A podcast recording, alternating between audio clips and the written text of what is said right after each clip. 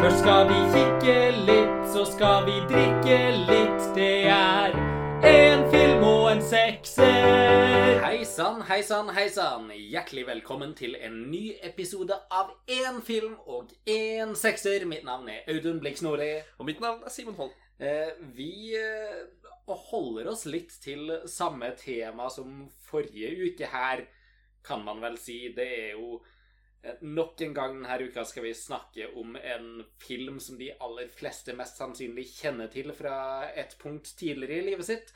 Eh, En eh, film som de fleste har vært borti. En eh, film som eh, de fleste vil sikkert føle en følelse av nostalgi når de hører navnet til, selv om de ikke har sett den på ett eller flere tiår. Ja, og det er også en film som handler om musikk. Ja. En film som kom på eller rundt 80-tallet, og som Og som har handling som uh, finner sted rett rundt skillet 50-60-tallet. Ja. I USA, så det er en film med veldig mye til felles med den forrige filmen vi snakket om. Og filmen vi skal ta for oss nå, er jo selvfølgelig Dirty Dancing. Dirty Dancing der, altså. Jeg tror vi bare skal uh, sette i gang først som sist. Vi kan jo bare ta det litt fra toppen her, vi, Simon. Kan du fortelle meg litt om hva slags forhold du uh, har hatt til Dirty Dancing før nå? Det eneste forholdet jeg har hatt til den før nå i sommer, er gjennom altså, dens popkulturelle relevans. Den er jo et verk som er referert til uhyre mange ganger i diverse filmer og TV-serier. Men eh, jeg hadde aldri sett den før nå på tidlig på høsten, hvor jeg så den på Frogner kino. 35 mm-utgave. Så for meg så er jo dette en film som ikke bærer med seg så veldig mye nostalgi eller så mange konkrete minner. Men eh, fremdeles en film jeg forelska meg ganske i første gang jeg så den. Selv om det var i en alder av nesten 25 år. Enn du? Nei, det her er egentlig en film jeg hadde ganske samme forholdet til som Grease.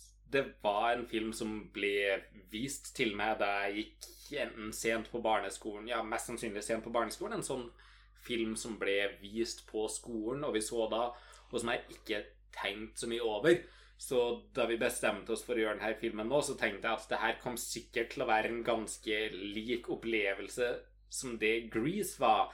Det er en film som eh, har mye dans og musikk og er fra 80-tallet. Eh, hva, hva annet kan man forvente enn en Grease-type film? Men det går jo an å ta feil også. Det gjør det, heldigvis.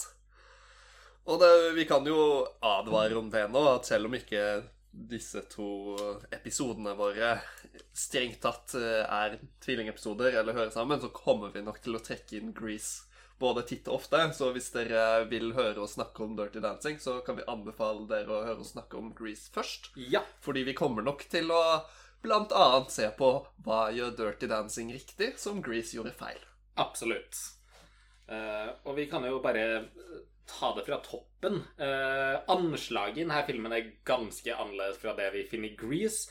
Eh, dog de har visse felles trekk. Begge er jo på mange måter har som mål å sette, sette en slags følelse av at du ser et kunstverk der Grease har hymnen og de nydelige aerial shotsene av stranda. Eh, Så går den her for en litt annen og litt mer eh, La oss si high art-vibe enn det. Ja. Eh, fordi at her får vi heller se klipp i sånn eh, Det er en ekstrem slow-mo som egentlig bare er ramma satt etter hverandre, som skaper en bevegelse uten at det er en filmisk bevegelse, eh, i svart-hvitt. Eh, satt til uh, I stedet for en hymne, så er det satt til uh, nydelig sen 50-, tidlig 60-talls eh, musikk.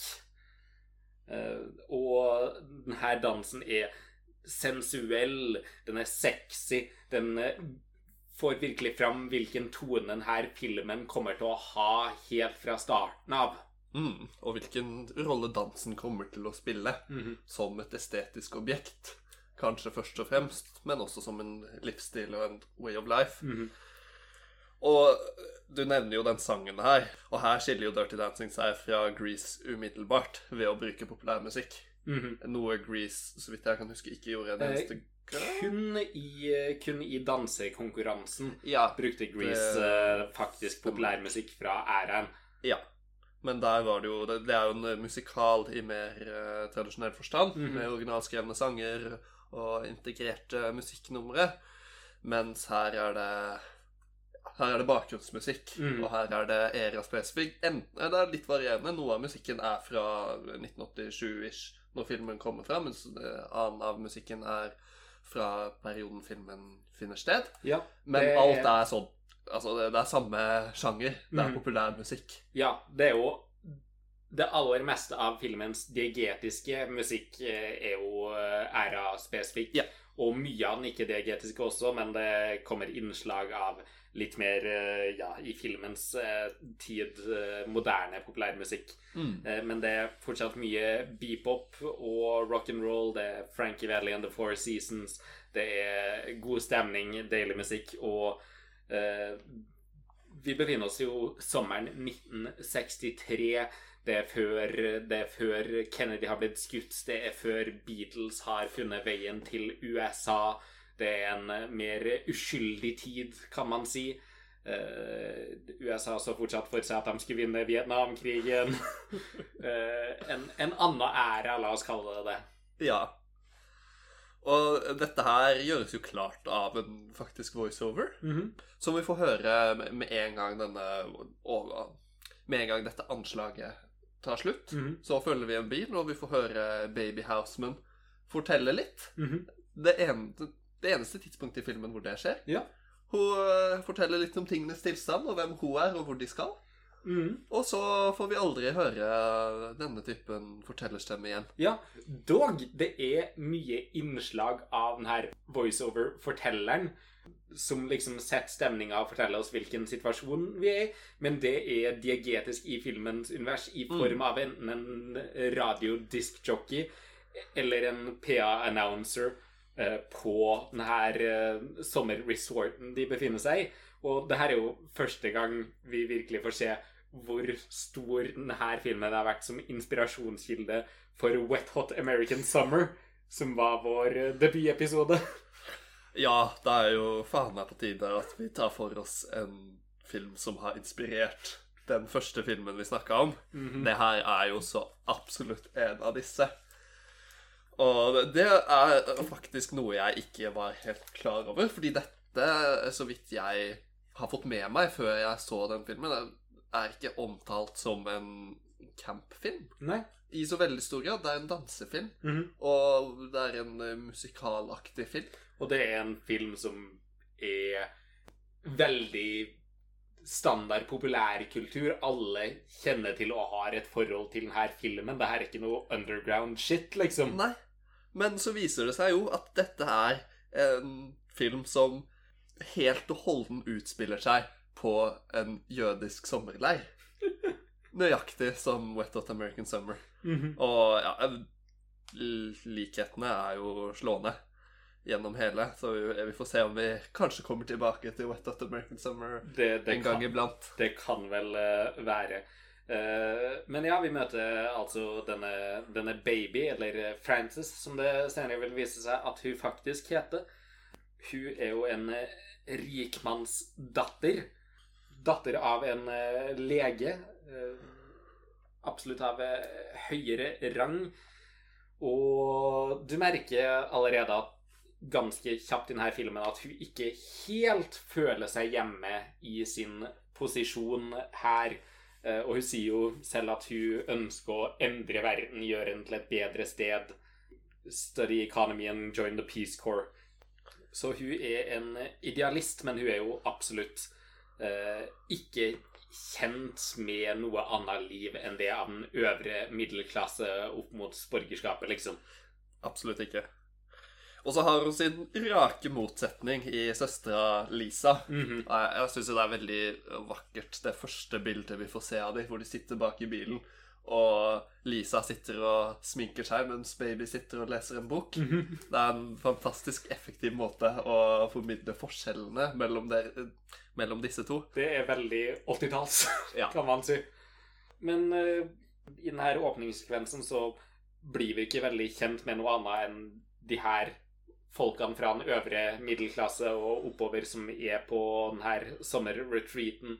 Og vi får se hvordan de alle nyter rikmannslivet og er så glad og lykkelig og ser ned på betjeninga eh, og koser seg i sitt rikmannsliv. Og her får vi jo en av de første dansesekvensene, en uh, merengue-klasse, der baby eh, åpenbart ukomfortabel. Hun vet ikke helt hvordan hun skal gjøre det her. Eh, en, en rikmannsdans som hun ikke føler seg komfortabel i. Nok et bilde på hvordan hun er ukomfortabel i sin egen klassesituasjon. Men så kommer vi virkelig til et av de første nydelige øyeblikkene i filmen. Vi vet jo alle på dette tidspunktet at sangen fra filmen her er uh, I've had the time of my life. Uh, en av de sporene i filmen her som faktisk ikke er en eh, klassisk bebop rock'n'roll uh, do-up-sang fra 50-60-tallet. Uh, og det er en kort sekvens der baby går ut på kveldstid, uh, forlater, forlater hytta, huset, leiligheta som eh, familien bor i, og vandrer ut og føler en slags frihet. Eh, kanskje for første gang i sitt liv. Eh, og da får vi for første gang høre litt av det her temaet spilt kun på piano, ikke noe sånn full orkestrert popsang i det hele tatt, men vi får en liten, liten smak av den her friheten og den her ekstasen, eh, selvstendigheten, som den her sangen skal komme til å representere. Og det her er noe som skjer et par ganger i løpet av filmen, og når det skjer, når man ser det audiovisuelle samspillet som denne filmen klarer å frembringe, så skjønner du allerede at det her er noe som er laga av folk som vet hva de driver med. Ja, og den tålmodigheten som fremvises her, at Mhm. det er eh, kanskje et minutt hvor man bare ser baby bevege seg rundt denne leiren uten at noe egentlig skjer, og man bare hører denne fantastiske instrumentalversjonen. Og ja Det sier jo så mye, eh, uansett om man har sett filmen før eller ikke, og setter virkelig stemninga for hvordan hennes karakterisering skal utvikle seg. Og så leder det jo også til vår, vårt første møte med Johnny og resten av uh, The Wait Staff. Mhm. Johnny, spilt av Patrick Swayze. Patrick Swayze er jo filmen her sin John Travolta. Eh, og la oss bare si det først som sist. Patrick Swayze mye mer tiltrekkende og troverdig leading man enn det John Travolta noensinne har vært. Ja, altså Alle aspekter ved disse to karakterene står i kontrast til hverandre sånn kvalitativt sett. Mhm. Klesstilen, antrekkene, personligheten, skuespillerne og det rene ansiktsmessige utseendet. -hmm. Dansinga Alt sammen står i Patrick Swayzes favør. Mhm. Og det Det gjør veldig mye med hvordan man inntar denne filmen, kontra hvordan man uh, kan oppleve Grease. Mhm. Og ja, vi får jo se han uh, opptre her sammen med sin uh, dansepartner Penny. Eh, og fy faen, det er en helt annen verden. Det her er en dansing som faktisk er god. De er dyktige. Det er intimt. Det er sexy. Det er litt farlig. Det, det er faktisk noe over det, i stedet for den fucking handjiven.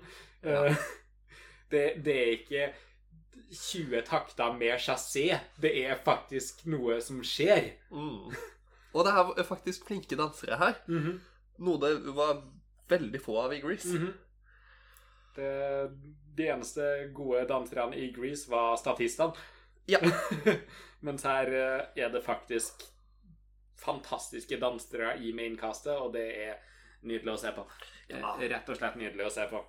Så når man ser eh, Johnny og Penny fremføre dette første dansenummeret, Mhm. så er det jo nesten umulig å la være å forelske seg i dansen. Mhm. Med mindre man heter Neil Ja. og er en eh, soon to be hotel manager. Mhm, En rich bitch fra Harvard som øyeblikkelig blir en av de folkene man hater mest i hele verden. Uh, uh, og han er jo interessert i å prøve å ligge med baby. Selvfølgelig. Eh, De skal være rike sammen og få seg rike barn og ha et rikt liv der de spytter på arbeiderklassen. Det er Neil sine planer, og uh, Pennys far, Jerry Orbuck, uh, er mer enn eh, mer enn nok lykkelig uh, med å la det skje. Mm. Han vil gjerne at dattera skal få et trygt øvre middelklasse til overklasseliv, og vil gjerne, er veldig lykkelig når Neil, eh, the rich bitch, eh, viser en interesse for hans datter. Mm. Det mest avgjørende for oppfattelsen av Nils karakter her, er jo at han fremstår utrolig dum Mhm. og naiv. Ja. Aller best eksemplifisert av da han ser Johnny og Penny danse dette fantastiske nummeret, og uttrykker noe som Hvorfor shower de også? Mm -hmm. That's not gonna sell lessons. Mhm. Som om det er noen andre på den, hele den leiren eller i hele verden jeg har mer lyst til å få danseinstruksjon av enn disse to i dette øyeblikket. Ikke sant? Og her, her kommer det virkelig fram hva slags ideologi filmen her har.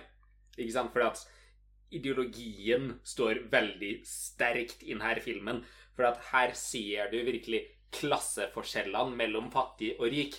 Alle rikingene på dette stedet suger til å danse fordi at de er født med penger og har aldri trengt å jobbe hardt for å lære noe. Så de kan bare suge til dans og komme seg videre. Mens de her arbeiderne kommer inn og må faktisk vise seg fram. De må faktisk lære seg, de må faktisk trene, de må faktisk gjøre noe eksepsjonelt. Og de rike hater dem for det. Fordi det viser bare at de her er faktisk flinkere. De her vet hva de driver med. Og det er Neil sin forakt for dem, for at de faktisk er flinke til noe, eh, er et så tydelig eksempel på filmen her sin ideologi. Mm. Eh, og det er vakkert å tro meg vi skal komme tilbake til ideologi mange ganger i løpet av filmen her, for at alt handler om ideologi i filmen her. Ja. Mange, mange gode eksempler på det. Så Baby ble jo ganske betatt av det her paret og deres dansing. Hun ser noe fra en annen verden. Hun blir litt oppslukt av det her. Så igjen sniker hun seg ut. Og denne gangen når hun sniker seg ut, så møter hun Billy, eh, en av de andre eh, instruktørene eh, på det her kurset, Uh, som bærer på tre svære vannmeloner. ja. Og som også har møtt briefly i den aller første scenen hvor de ankommer, og han bærer koffertene deres. Så han er en litt sånn altmuligmann. Virker som han ikke er helt god nok til å danse til å være en fullært fulllært instruktør, men ikke velutdanna nok til å være en servitør eller noe sånt. Mhm. Eh, Så Baby, som er et godt menneske, selv om hun ikke forstår verden, eh, hun bestemmer seg for å hjelpe han, da. Eh, Og han er jævlig skeptisk, fordi at de har fått streng beskjed om at hvis de eh, har noe som helst kontakt med eh, klientellet utafor det rent profesjonelle, så får de fyken øyeblikkelig. Eh, Fordi at det er slike rettigheter man har som arbeider i denne her verden, og det er fucka. Ideologi, som sagt. Eh, og, men eh, han lar seg overbevise eh, etter hvert og får assistanse med disse eh, vannmelonene. Eh, og hun hjelper han opp til, opp til eh, det felles arealet som de her instruktørene, de eh, de arbeiderne på denne uh, sommerresorten som ikke har høyere utdanning. Og der entrer vi inn i en magisk fucking verden. Ja, for her er det jo et staff party, akkurat som i Wet Hot American Summer. Og det her staff party, det er et hav av vakre mennesker som bare danser og koser seg, og i motsetning til den dansen vi får se ute i, uh, ute i uh, ballarealet, så er det her en svett og sensuell dans. Det er en moderne dans. Det er en dans for folk som faktisk har en lidenskap i seg. Uh, og det er så vakkert. Det er tett, det er klinge det er mørkt, det er svette, det er åh. Det er sexy som faen. Ja. Og det syns også baby. ja. Når hun står der på sida med Billy og iakttar denne fantastisk vakre dansen. og hun, hun, hun er liksom Hun er litt forskrekka. Hun har aldri sett her før, men hun har også lyst til å være en del av det. Hun har så jævla lyst til å være en del av det. Ja. Og, og så, og så Så kommer Johnny og Penny inn i det her, og de eier dansegulvet. Og det er så jævlig sexy. Det, vi har sett dem danse fantastisk før, vi har sett dem være fantastisk nydelig, men her kan de faktisk slå seg løs. Og, og i, i sammenligning eh, med eh, med Grease så er det her også dansing som består av en del jokking. Men denne jokkinga gjør faktisk noe. Ja, denne er eh, i takt med musikken på en god måte. Ja, og den, den er sensuell, og den er intim, Mm. og den er inkorporert i noe større og vakrere. Det er ikke bare en gjeng med kjedelige uh, unge menn som jokker i lufta. Dette er faktisk en uh, en elskovsakt på dansegulvet. Ja, Uh, den er ikke så rytmisk og statisk som det den i Grease er. nei, den er flytende, og den er, den er nær og intim, og den inngår i noe større. Og den er jo vakker å se på, Mhm. først og fremst. Åh, fy faen. Og ja, la oss si at Baby får jo øyeblikkelig sansen for Johnny her. Ja. Hun Snakk om hungry eyes. Her eh, kommer de for første gang. Å, gjett om det. Og can't blame her. Nei.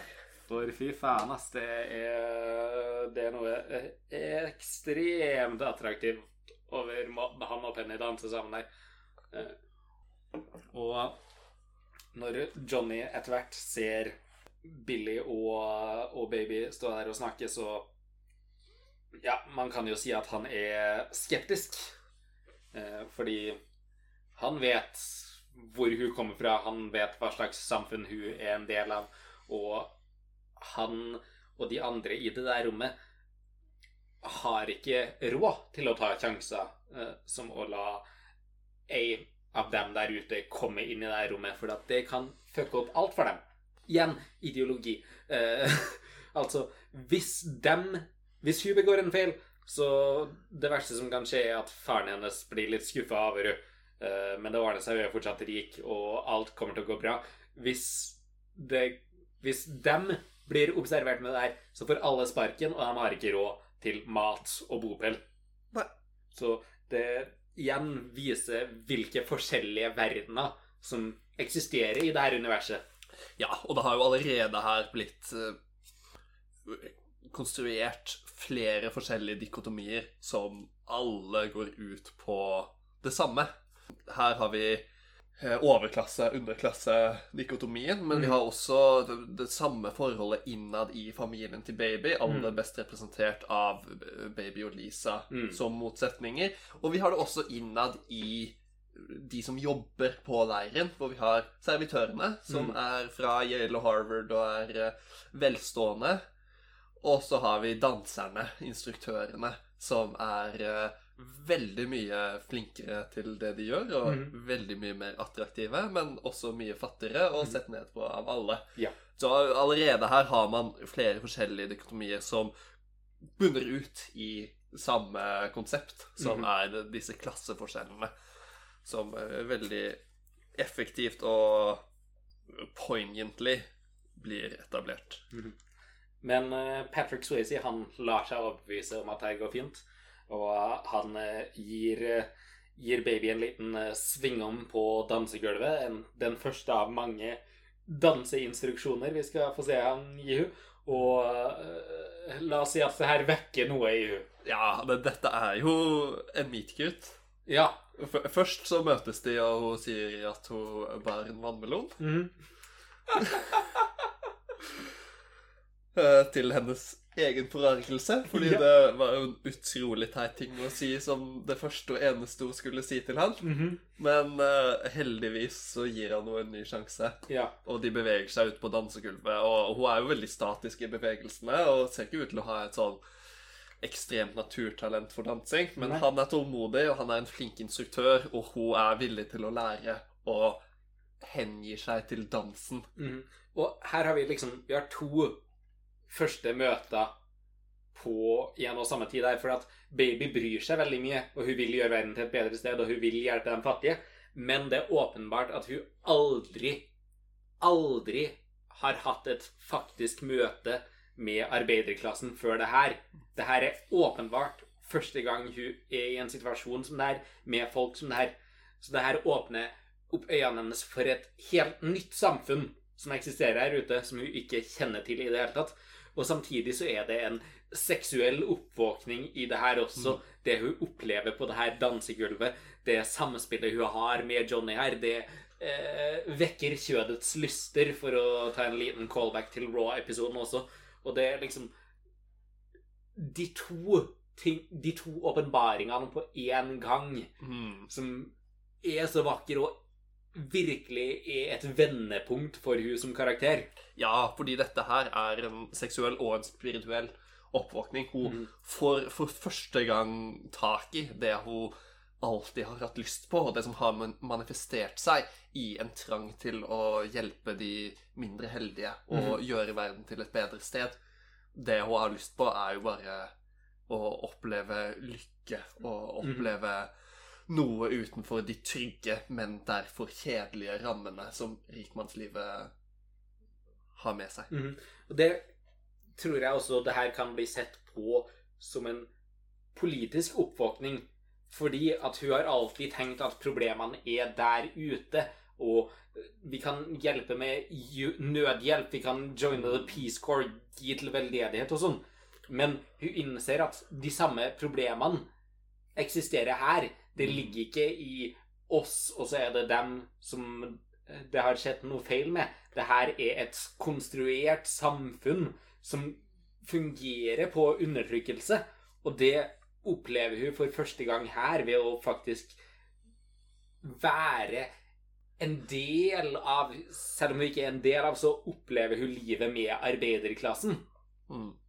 Altså, det er jo en stor del av hennes reise er jo å bli bevisst på sine privilegier og faktisk lære seg å analysere eh, samfunnet med klasse som funksjon, liksom. Mm. Eh, noe som kommer tilbake til og tilbake til og tilbake til igjen og igjen. Som sagt, det her er en jævlig ideologisk film. Den, eh, den skjuler det ikke i det hele tatt, og jeg elsker det.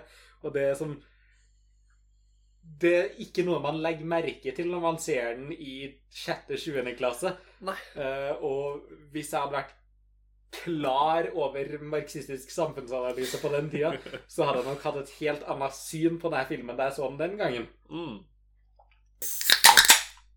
Men hun må jo returnere til sitt rikmannsliv. Ja, og her oppstår det jo en enorm kontrast med en gang mellom det livet som disse danserne lever på egen hånd, Mhm. og det livet som de er tvunget til å delta i. Mhm. Som er dette Åh, i, i sammenligning så utrolig tørre og kjedelige og useksuelle, usensuelle Mhm. livet som alle disse andre rike folka lever på denne sommerleiren Mhm. hvor sensurert alt annet er, gjør jo at man ah, Man higer bare etter dette, denne ansattfesten. Mhm. Man higer, higer etter dansing på dansens egne premisser. Noe spenning, noe, noe glede, noe faktisk lidenskap som Ja. ikke eksisterer i, i resten av den her sommerresorten her. Og det oppdager jo baby, og uttrykker det veldig tydelig når hun sitter i en eller annen sånn Jeg vet ikke hva det er, en sånn parykkinstruksjonsklasse. Ja. hvor de lager noen parykker som skal etterligne noen personer. Ja, eller noe sånt. Jackie Kennedy og Ja. eh, Sandra D og Futja, liksom. Ja. Look at me, I'm Sandra D. Igjen. ja. Samme æra. Eh, Totalt forskjellige filmer. og så kommer Johnny bort, og her har man jo igjen Altså Det her er jo visuell seksuell omgang. Mhm. Det er eyefuck mm -hmm. på sitt aller mest eksplisitte. Fy faen. Fordi det blikket baby gir Johnny her Åh, det sier så mye. Og det vitner om denne seksuelle oppvåkningen hun, hun nettopp har hatt. Hun Absolutt. er en ny person. Mhm. Hun har oppdaget uh, kjødets lister. Hun har funnet ut at det går faktisk an å forelske seg i noe annet enn pengene til en mann, Mhm. men faktisk utseendet. Ja.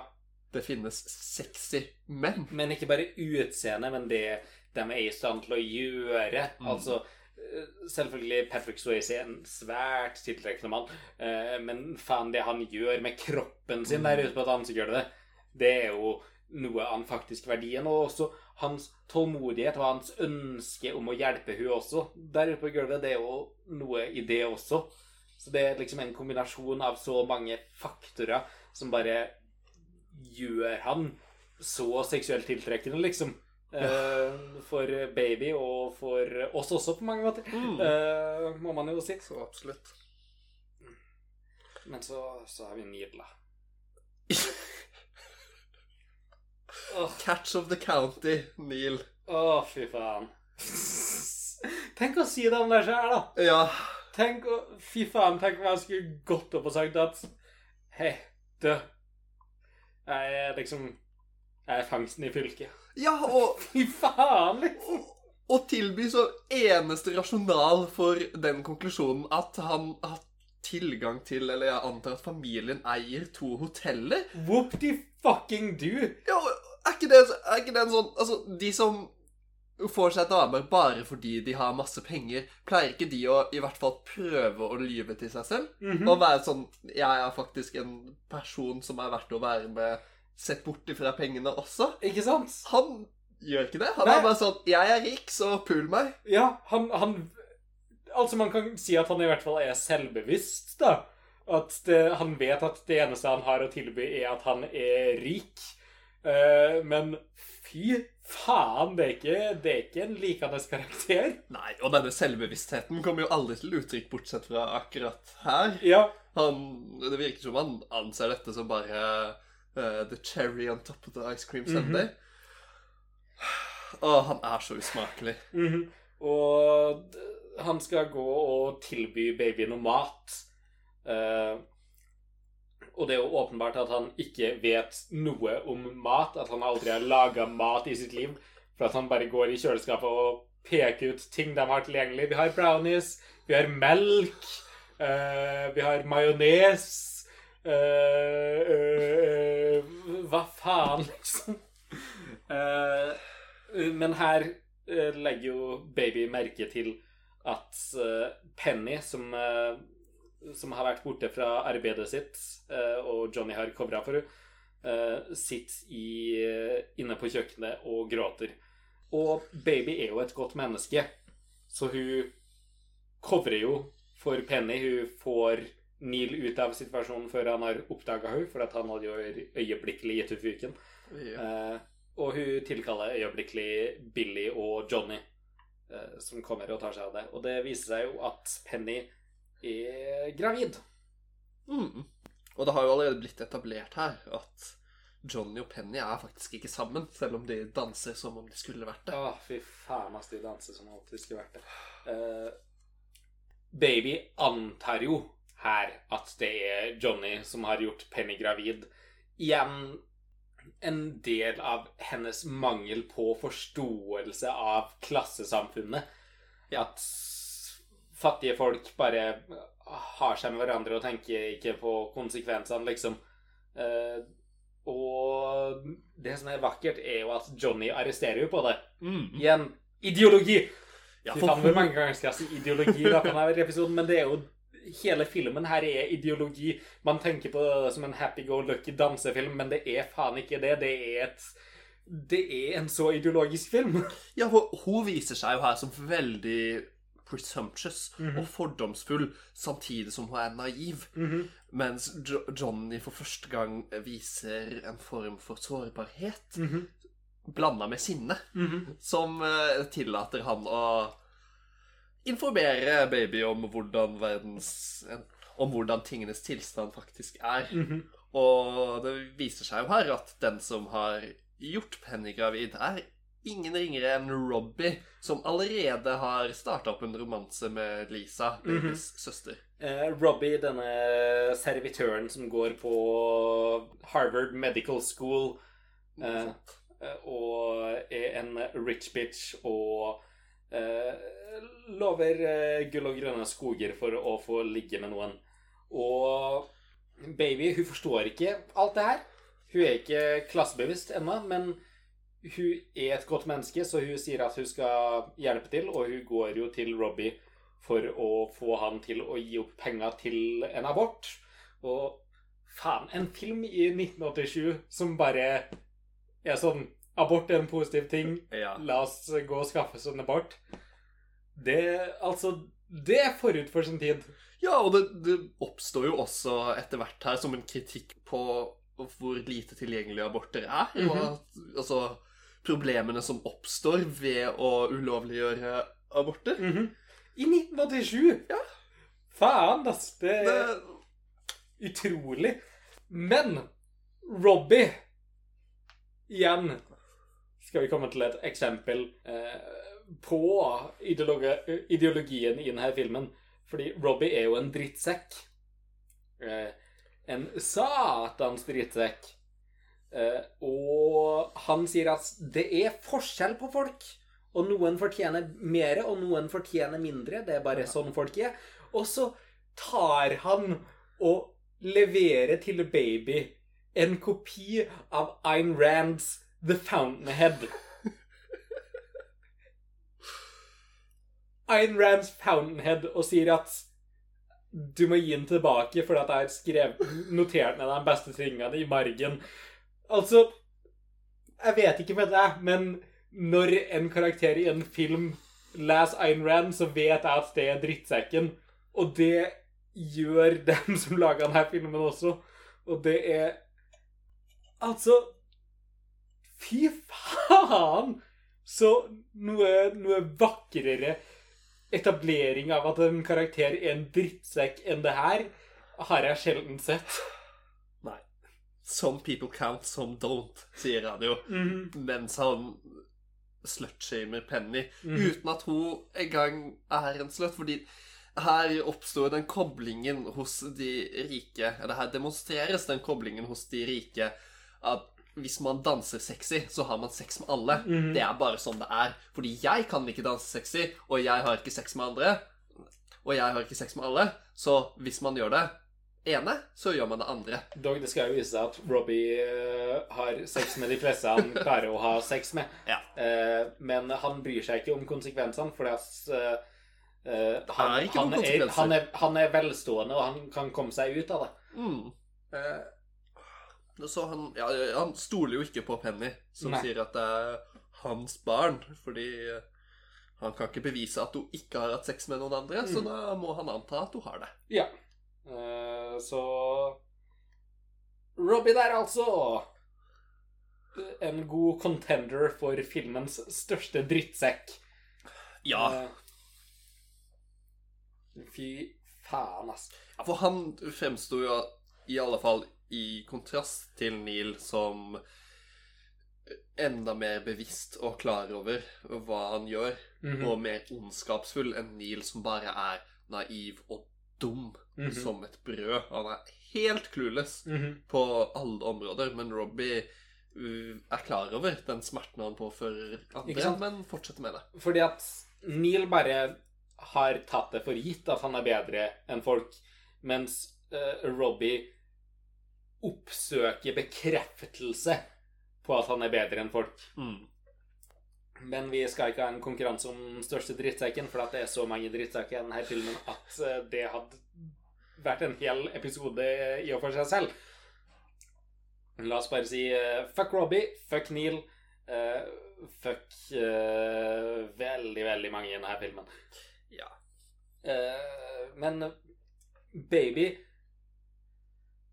Vi kan si at hun for første gang i filmen her blir ordentlig bevisst på sine privilegier, og faktisk utnytte det for å gjøre verden til et bedre sted. Mm. Og den- problemstillingen som Penny står overfor her, eh, at hun ikke har råd til å ta abort, er jo en som er uhyre relevant i USA på dette tidspunktet, Mhm. og senere og tidligere tidspunkter, og i dag. Mhm. Fordi rike kvinner kan ta abort når de vil. Mhm. Fattige kvinner kan ikke det. Mhm. Fordi de har ikke råd til det, de har ikke leger som tillater det, og det er dyrt å ta abort mer enn det er ulovlig. Mhm.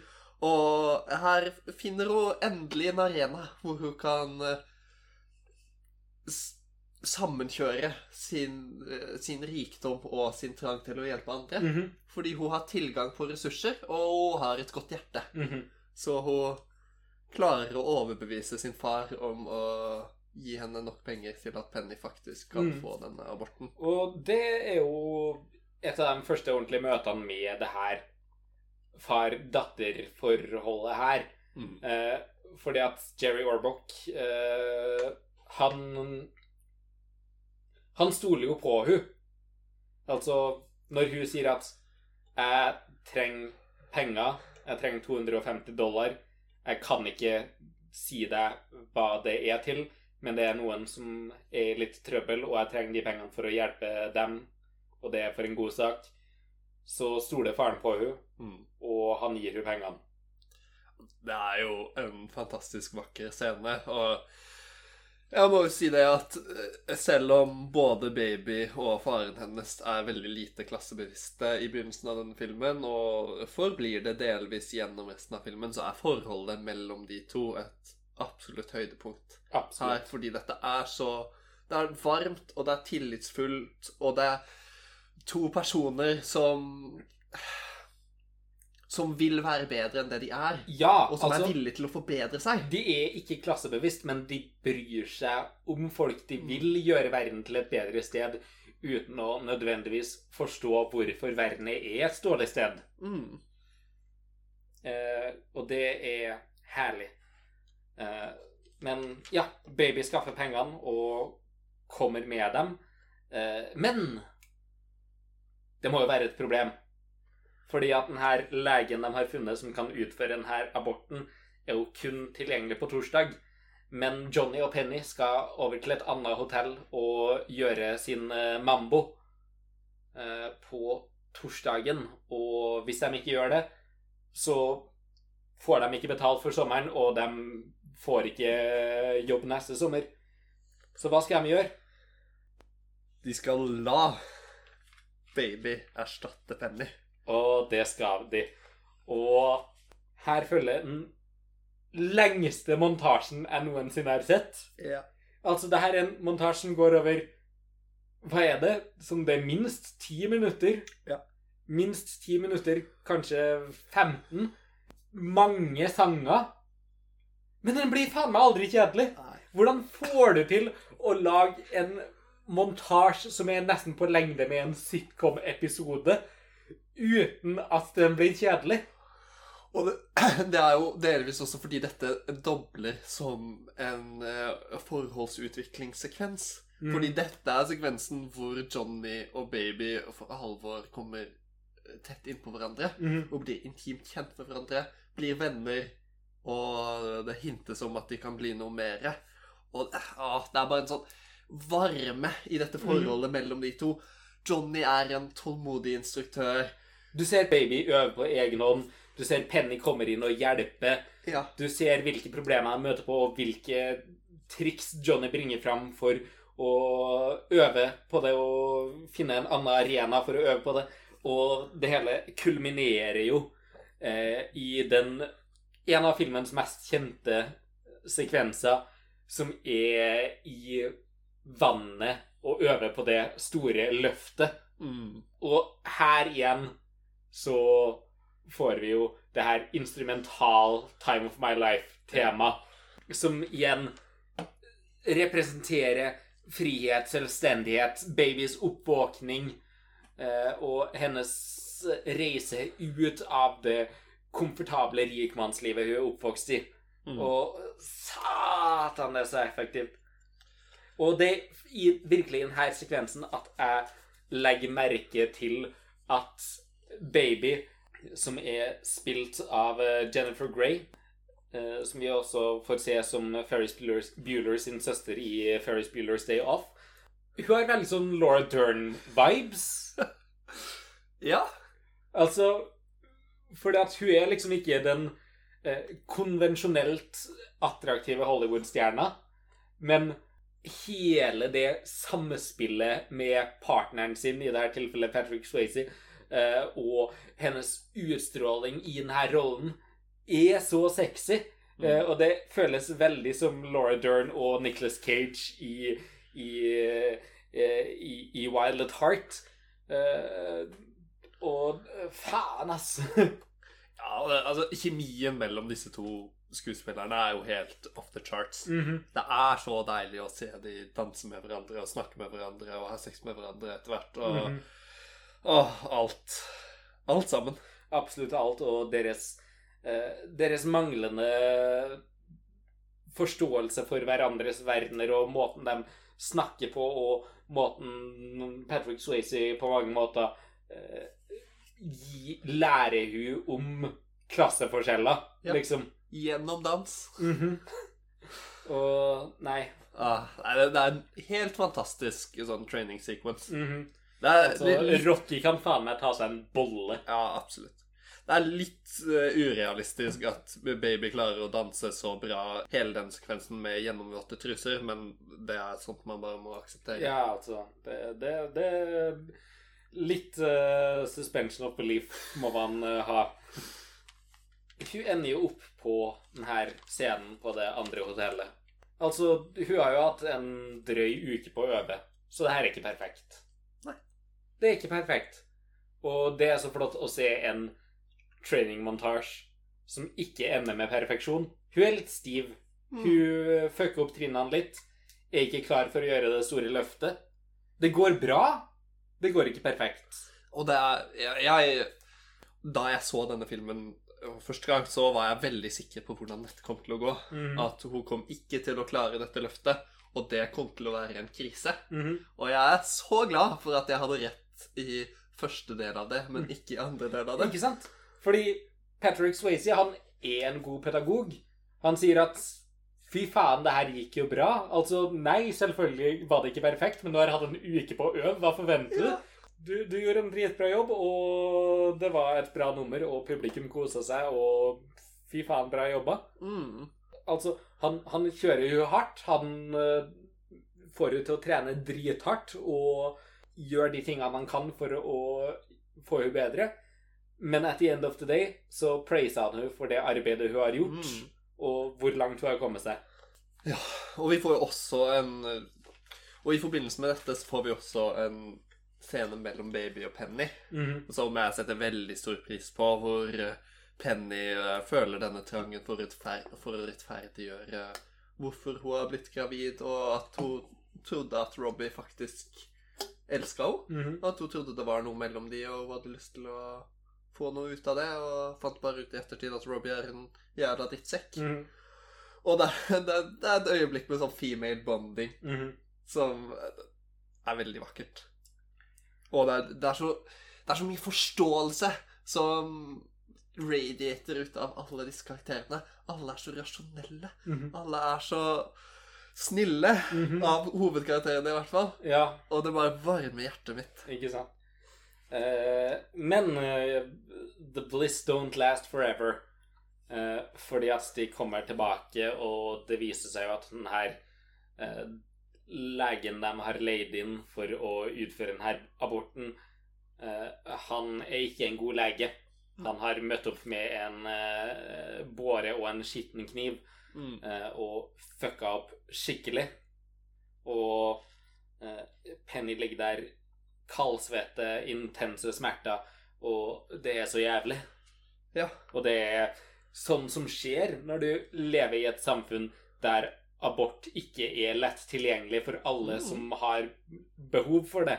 Nøyaktig. Eh, Folk er nødt til å gå underground og oppsøke folk som ikke vet hva de driver med, fordi at folk kommer fortsatt til å ta aborter.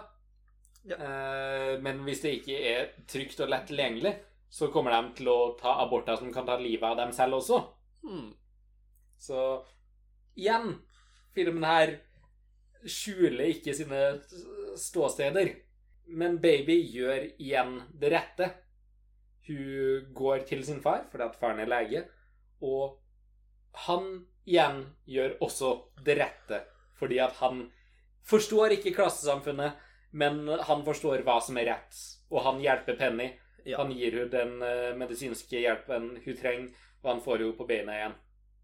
Ja, og han i likhet med Baby, er jo fordomsfull i denne situasjonen og antar at det er Johnny som har fått henne mm. gravid. Fordi hvis en underklassekvinne er gravid, så er det selvfølgelig en underklassemann sin feil. Og det, det er jo forståelig. Det er irriterende. Men ståstedet hans er faktisk mulig å identifisere med her. Men Ståstedet hans er en direkte resultat av hva man er opplært til når man lever under kapitalismen. Nøyaktig. Men det han eh, Der han bryter med Altså i hvert fall noen forventninger som er knytta til eh, overklassen, er at han, han hjelper Penny.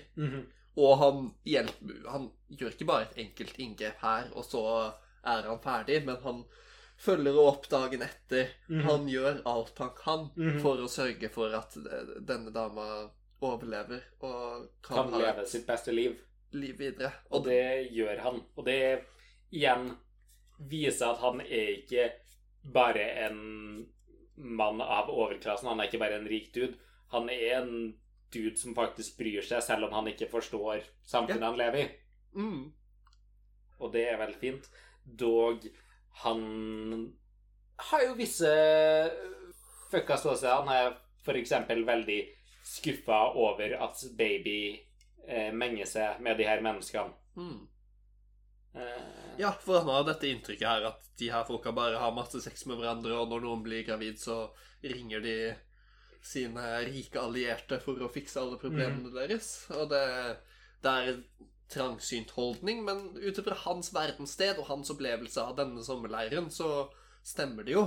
Fordi han eh, er uvillig eller ikke i stand til å faktisk innta all informasjon som tilhører den situasjonen. ikke sant? Han, er, han kommer fra penger, han har aldri opplevd noe annet. Han har Men, aldri menga seg med arbeiderklassen, og han vet ikke noe om klasseforholdene. Nei. Eh, På samme måte som baby.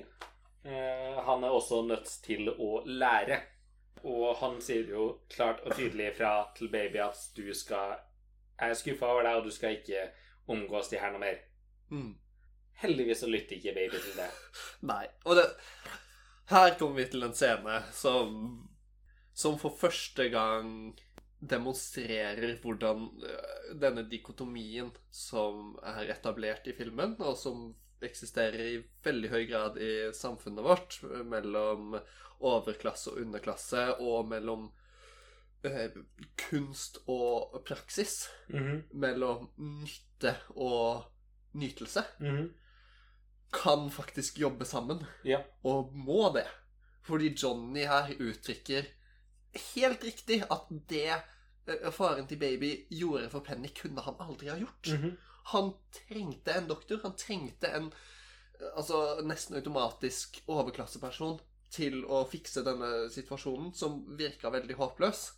Og så kommer baby med uttalelsen at det Johnny har gjort for henne, er det så å si ingen overklassepersoner som kunne ha gjort det å tillate henne å oppdage livsnytelse og kunst og glede ved å performe og uttrykke seg selv, Mhm. det kunne hun ikke få i sitt tidligere liv.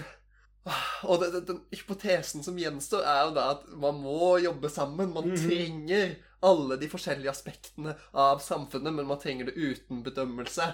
Man trenger det uten fordommer. Man trenger de med likhet. Ja, man trenger at alle har forståelse for hva de forskjellige klassene og personene tilfører samfunnet, Mhm. og samtidig forståelse for at alt det er nødvendig for at et samfunn skal kunne leve sitt beste liv, Mhm. sånn som baby etter hvert her begynner å være i stand til.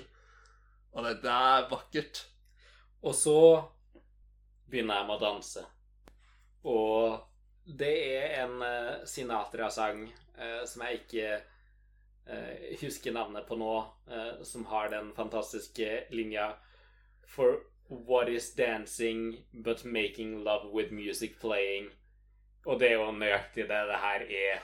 Dansen er et forspill til elskovsakten, og det er en så fantastisk transition Ja. inn i deres første eh, virkelig møte med eh, deres lyster for hverandre. Mm. Og eh, faen om jeg har sett en bedre eh, bedre sekvens enn det her. Det, det faen er nydelig.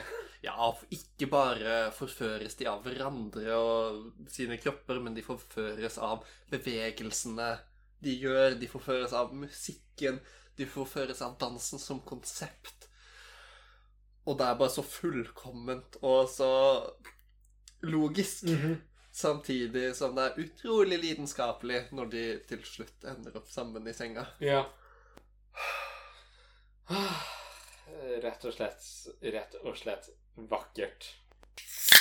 Det som følger her, er jo altså et anspent forhold, kan vi si, mellom eh, baby og hennes far.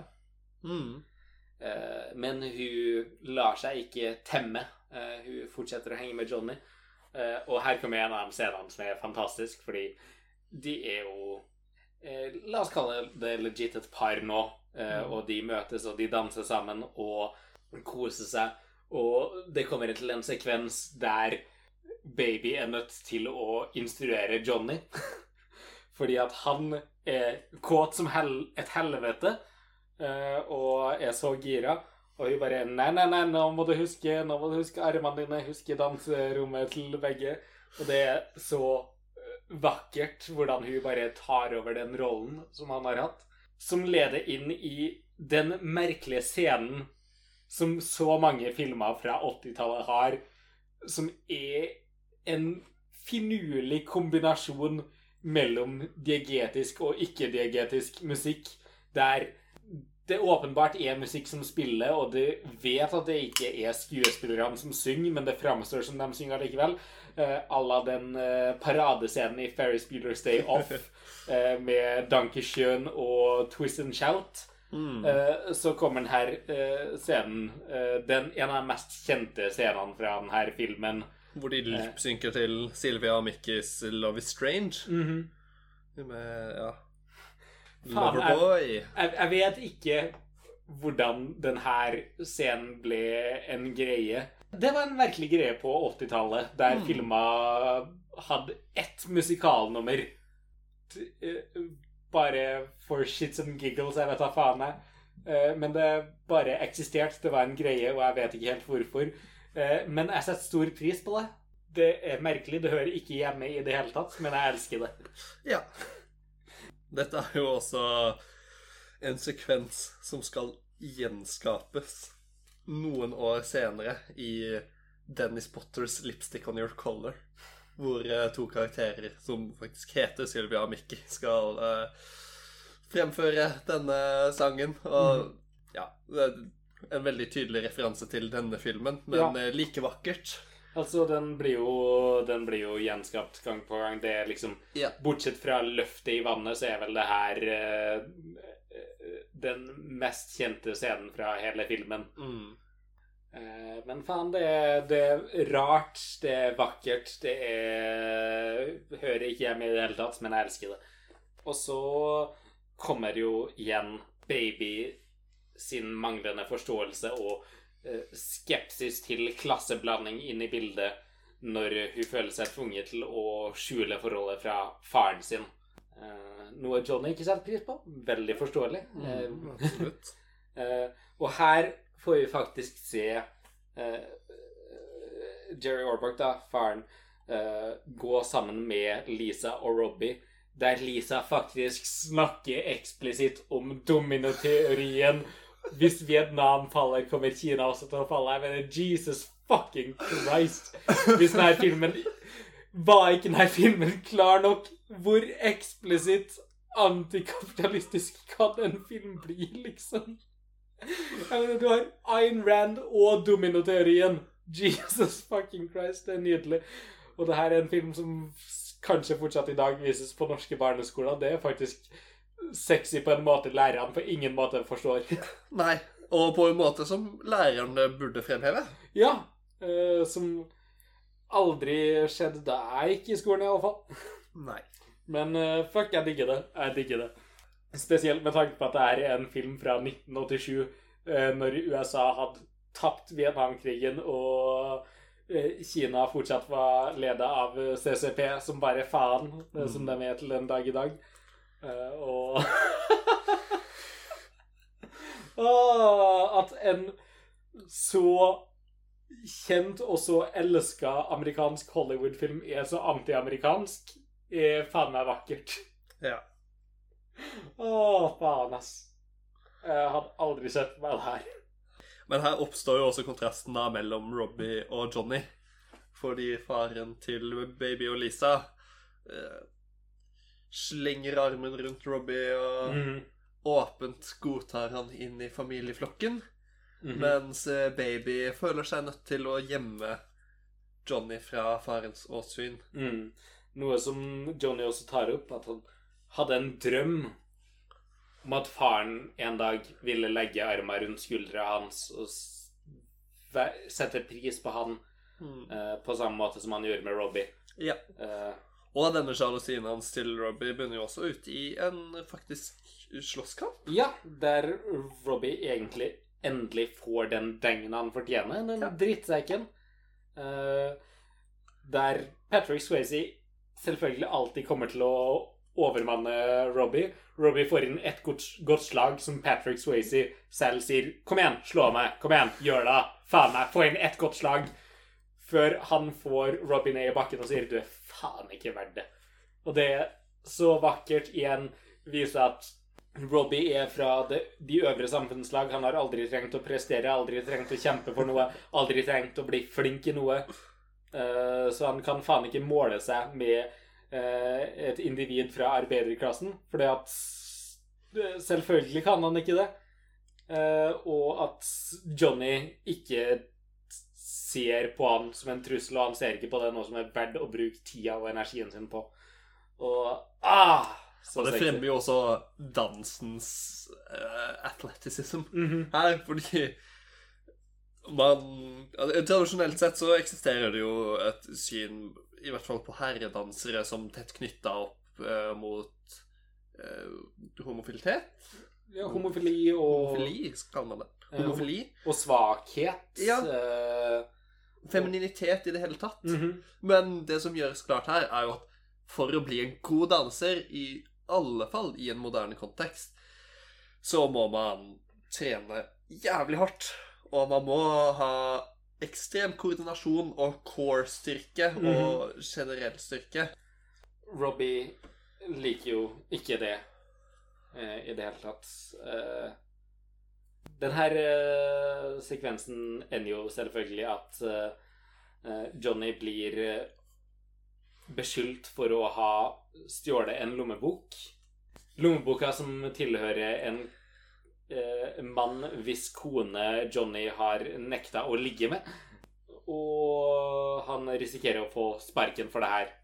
Og der må baby ta et valg.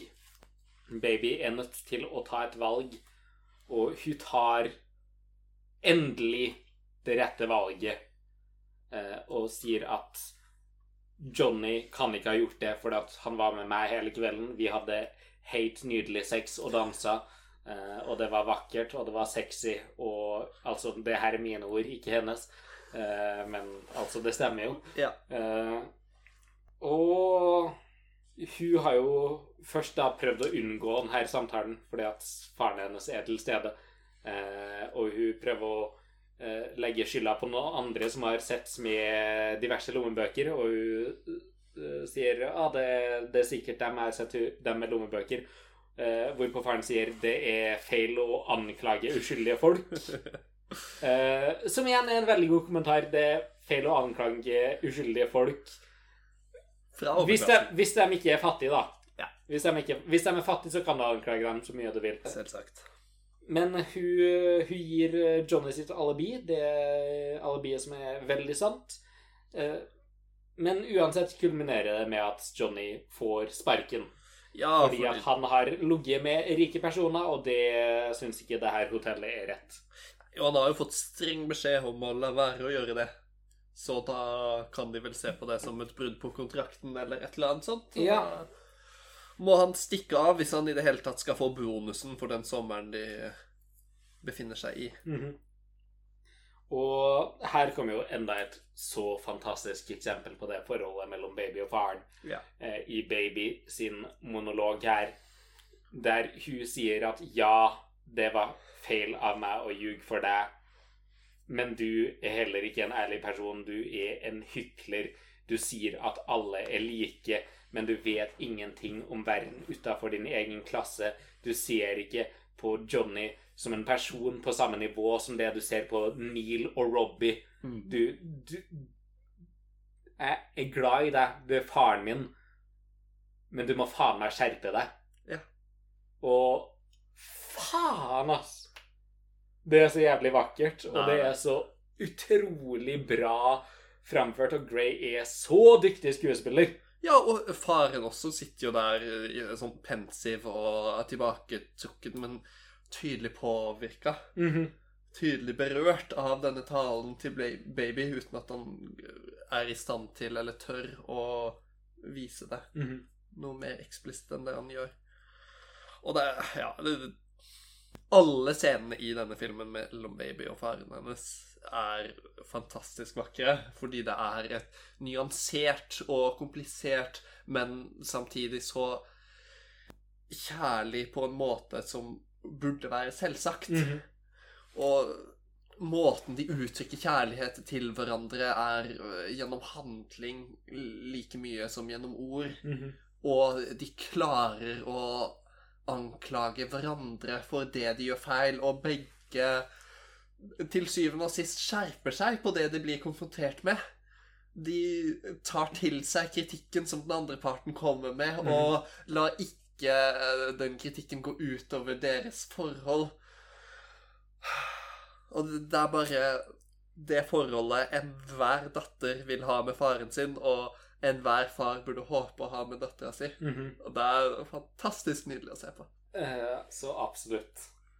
Nå beveger vi oss inn i filmens eh, avslutning og klimaks og fullkjør her. Eh, for nå kommer vi jo til det store talentshowet. Eh, før det, så mens de gjør seg klar til det, så har vi jo det første faktiske eksempelet på eh, litt støttende og god atferd fra Lisa sin side. Mm. der hun faktisk er en god søster og intim og ja, viser litt, uh, viser litt nærhet, kjærlighet, godhet overfor baby. Uh, og det er veldig fint. Uh, Ja, de, de klarer begge to å legge til side det som Det de holder imot hverandre. Det, de fordommene de har mot hverandre og hverandres oppførsel. Og viser slags sånn, en sånn, slags sånn søsterlig kjærlighet som ja, er veldig koselig å se. Ja. Rett før dette også så har jo Johnny dratt. Mhm. Og eh, selv om det ikke er en så eventfull scene, så må jeg bare trekke fram det at de begge uttrykker her, både Baby og Johnny, at det er veldig kjipt at det ender sånn her, men jeg angrer ikke på noe. Ville ikke vært foruten de opplevelsene jeg har hatt denne sommeren. Nei, det, det, er, det er nydelig. Mhm. Og det er uh, forståelig. Mhm. Og det, det viser bare til at altså, uansett hvordan denne filmen ender herfra, så har begge disse to fått et nytt perspektiv på livet og mm. fått med seg noen erfaringer som kommer til å både bidra til å tillate de en slags sånn personlig eh, tilfredsstillelse og måloppnåelse, Ja, og det liksom men som... som også kommer til å gjøre de i stand til å faktisk gjøre verden til et bedre sted som de begge har så lyst til. Nøyaktig, og også det at eh, selv om det ikke blir sånn, så er det jo Virker det jo som det her kan være slutten på det forholdet de har hatt. Ja. At de ikke kommer til å møtes igjen. Men det er også en så fin scene som gir et eksempel på det her at bare fordi at et forhold tar slutt, så betyr ikke det at det forholdet ikke har betydd noe. Nei. Som er standarden innafor alt vi ser i film og TV. Liksom at et forhold som tar slutt, det er et forhold som ikke har vært verdt noe. Ja. Men det er jo ikke sant. Et forhold kan være så viktig, betydelig og godt selv om det ender. Og det at det ender, betyr ikke at alle de fantastiske opplevelsene ikke har betydd noe. Og det ser du så sjeldent, og du så det i hvert fall sjeldent på 80-tallet. Mm. Så igjen bare vise til hvor forut for sin tid denne filmen var, liksom. Ja. Men vi skal jo på talentshowet, og det kommer jo den her Vi får jo bare se den her avslutningslåta, som er den her Den her hyllesten uh, til uh, Kellerman uh, Resort, whatever, liksom. Det er sånn Det er så kleint. Altså, det starter med at Neil synger en lengre solo, og Neil kan ikke synge for shit. Et elendig korarrangement. Som er veldig repetitivt og Mhm. grunnleggende og høres helt jævlig ut. Og så er Lisa sin solo, og Lisa er ikke noe bedre enn Neil, for å si det sånn. Nei, Vi har jo allerede vært vitne til en hel scene hvor Lisas soloperformance er soundtracket. Og det, det er fantastisk nydelig, men bare fordi det er så jævlig at det blir kjempemorsomt. Mhm. Og det er jo også tilfellet her. Hun kan ikke synge, hun kan ikke intonere. Hun er helt håpløs. Mhm. Men det er ganske gøy. Men heldigvis tar den her scenen slutt, fordi Patrick Swayze, Johnny, han er tilbake. Han gir seg ikke så lett. Eh, for at her har du baby eh, og hennes far og hennes mor som sitter der, og eh, baby sitter i en stol klemt oppi hjørnet, og Patrick Swayze kommer gående opp, ser på faren. Og så sier han jo det vi alle kjenner til. Om vi ikke kjenner til filmen i det hele tatt, så kjenner vi til det her. Nobody puts baby in the corner. Og han drar hun med seg. Og de går opp på scenen. Og Patrick Swayze har sin monolog eh, om hvordan han alltid avslutter eh, de her sommertalentshowene. Og faen heller, det her skal ikke være noe annerledes, og han skal ende på sin måte. Og jeg elsker her at ingen prøver å stoppe dem engang. Ingen tør å stoppe det her. Det, det viser hvor mye makt det er, ligger i at arbeiderklassen reiser seg opp og tar sin plass. Liksom. Ja. Det her er en liten revolusjon i og for seg selv. uh, og det er faen meg vakkert. Og her endelig får vi klimakset der vi faktisk får I've had the time of my life i sin fulle prakt, i sitt fulle 80-talls poparrangement. Endelig en her. Vi har hørt hint til det. Det har vært så sexy, det har vært så pirrende. Og her får vi den store ejakulasjonen på slutten. Pardon my French.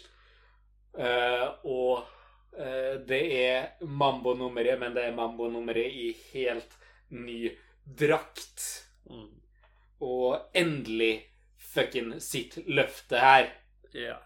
Og det denne sekvensen også er Altså, for det første, baby er løs og fri, i motsetning til første gang de gjorde det her nummeret på en scene. Så her slipper hun seg løs. Hun tør å være fri. Hun tør å være seg selv. Hun har gitt slipp på eh, de lenkene som holder hun til overklassen, og hun gir seg hen til sine lyster og til, til det klassefrie samfunnet. Ikke sant? Og vi får også det øyeblikket der det vi har sett inne på hytta til arbeiderne, blir godkjent av storsamfunnet. Vi ser subkultur bli til massekultur. ja. Altså, det er så mye Og det her er 1963. Det her er rett på det punktet der Beatles kommer, der rock and roll har blitt et faktum. Der, eh, der subkulturene slippes fri med 'Summer of Love', og vi har andre bølger feminisme. Vi har eh, Black Panthers Party. Vi har liksom alt det her kulminere i det punktet der den gamle verdenen tar slutt, og den nye verdenen tar over. Og det gjøres alt i denne fucking dansesekvensen. Jeg mener, hvordan er det fucking mulig? Eh, Og så klarer de også å lure inn her kulminasjonen på hele baby og faren slash Johnny-storylinen. Fordi Robbie går opp til faren til baby og innrømmer at det var han som gjorde Penny gravid. mhm. Veldig beleilig, men eh, heller ikke uforståelig. Og faren til baby eh, finner det i seg selv å faktisk tilgi Johnny og si at han tok feil. Mhm. Og han er en ærlig mann av prinsipper og beklager for, at, eh, for eh, sine handlinger. Eh, Ja. Fordi at hvis man tar feil, så innrømmer man det. Og det er vakkert.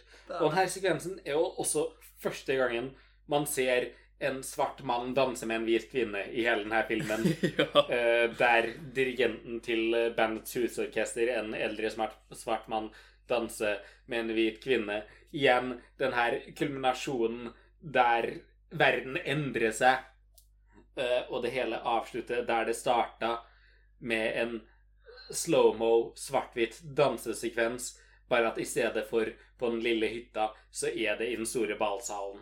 Og fy faen for en film det her er! Ah, ja. Jeg er glad vi kunne dekke Grease forrige uke Mhm. for å skape denne kontrasten. Ja. Fordi vi, vi har kanskje ikke snakka så mye om Grease som jeg hadde forventa at vi gjorde.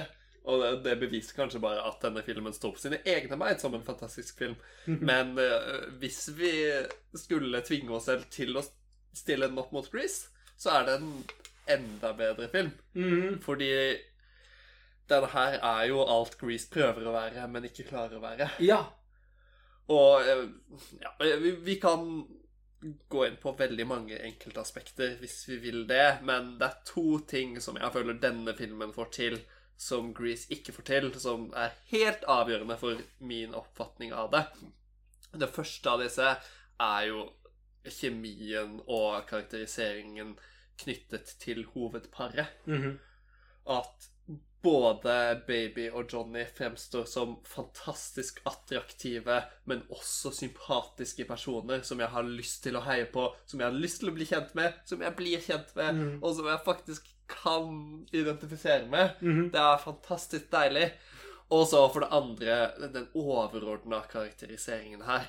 At alle karakterene, bortsett fra de sånn helt objektive skurkene, handler på en måte som støttes av logikk Mhm. og rasjonalitet.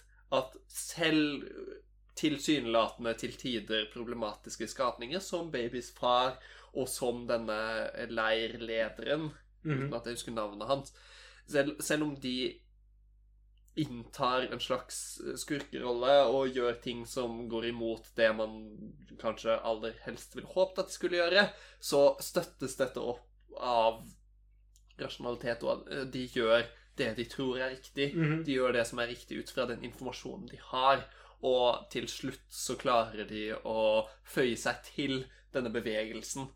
Og dette livssynet som er så dominant i løpet av filmen, og som fremstår som det er absolutt riktig og den eneste måten å se verden på. Mhm. At dans er vakkert, livet er vakkert, nyt livet og fuck alt annet. Mhm. Og det kunne Grease hatt ganske mye mer av. Ja, det er ganske mangelvare der, egentlig. Og så en sånn helt overordna ting som skiller Grease og Dirty Dancing, som i og for seg er subjektivt, men allikevel verdt å ta opp, at Grease er regressivt som faen yep. i, på nesten alle områder. Vi dekka det i forrige episode, så gå og hør på den hvis dere vil vite akkurat hvordan den er regressiv. Dirty Dancing er jævlig progressiv. Ja, den er Den mer har- progressiv enn veldig mye som slippes i dag. Ja, den har et veldig bra syn på klasseforskjeller, på abort, på kvinnerollen, på nytelse. Det, det, den fem den skildrer kvinner som eh, Ikke bare som sexobjekter, men eh, som eh, personer med sexlyst. Mhm. Baby her er kåt som faen gjennom nesten hele filmen. Og selvfølgelig. Og det, og det fremstår bare som en selvfølge. Og det, det er det jo, og det. Ja. skal det være. Men det er det altfor sjeldent i filmer og TV-serier at kvinner har lyst på menn like mye som menn har lyst på kvinner. Mhm. Og det er så deilig å se. Det er faen meg det å se. Og i motsetning til Grease så er det her en film som faktisk har noe å si. Grease var Grease å si null. Null og niks. Det eneste som Ja. sier er hvis du har lyst på kjærlighet, så endrer du deg. Du endrer alt med deg, og så kan du kanskje få en kjæreste. Denne filmen sier at hei, vi lever i et samfunn basert på klasseforskjeller som er helt fucka, og de som faktisk jobber hardt, er de som får minst her i samfunnet. Er ikke det helt fucka? Hvis vi har lyst til å endre verden, er ikke der vi bør starte. Og det er jo akkurat det Baby innser i denne filmen, at jeg har lyst til å endre verden, så hvorfor ikke starte der problemene faktisk ligger? I klassesamfunnet, i kapitalismen. Ikke sant? Og man kan arrestere meg, man kan si at det sies ikke eksplisitt. Det er ikke eh, eksplisitte marxistiske samfunnsanalyser i denne filmen. Men altså, du kan ikke gjøre det mye mer eksplisitt enn det her, med mindre du har en fucking fyr som går opp og siterer Das Kapitalas, fordi at du har all den her praten, selv om ordet klasse aldri er en del av det, så er det alt som inngår i samtalen mellom Johnny og Baby. Og du har faen meg skurkerollene som bringer fram Ayn Rand-litteratur. Du kan ikke gjøre det mer eksplisitt enn det her uten å si Marx hadde rett. Nei, og hvis man gjør det mer eksplisitt enn dette, så kommer man aldri til å bli utgitt Nei, og da blir det bare preachy også. Det blir bare preachy også. Den, den her klarer å ta opp så mye god problematikk uten å noensinne være preachy og fortsatt være en underholdende dansefilm. Og det er insane. Ja. Åh, fy faen, ass. Hvordan Hvordan har jeg aldri skjønt hvilken filmopplevelse Dirty Dancing er før nå? Jesus fucking Christ. Åh. Jeg vet ikke, jeg, Simon. Skal vi eh, Skal vi nærme oss en konklusjon? Ja, men vi kan jo avslutte også ved å stille disse to filmene, Grease og, Dir Grease og Dirty Dancing, opp mot hverandre. Og Mhm. bare gjøre det klinkende klart at hvis du vurderer å se en av disse filmene på nytt, så se Dirty Dancing. Se Dirty Dancing, for faen. Det er en høydare. Ja. Det er en opplevelse. Det er en film som faktisk tar opp seriøse temaer som påvirker verden den dag i dag. Det er en film som ikke unnskylder seg. Det er en film som er sexy, samtidig som den har en mening. Jesus fucking Christ, det er en god film. Ja, og ja, heller si Heller se Dirty Dancing for andre gang, for tredje gang, for tiende gang, enn å se Grease en gang til. Absolutt. Fordi det er ikke verdt det. Bedre musikk, bedre dansing, bedre holdninger. Ja. Enkelt og fucking greit. Se Dirty Dancing. Altså, jeg tror ikke vi trenger å ha en seksjon med avsluttende tanker, fordi at vi har gitt våre avsluttende tanker her. Se fucking Dirty Dancing. Og har du Grease på DVD hjemme, så ta, den, ta tak i den med en ildtang, ta den med utafor og brenn den. Fuck it. Marx hadde rett. Eh, se Dirty Dancing og fuck Ayn Rand. Ja. Skål for faen, Simon. Skål.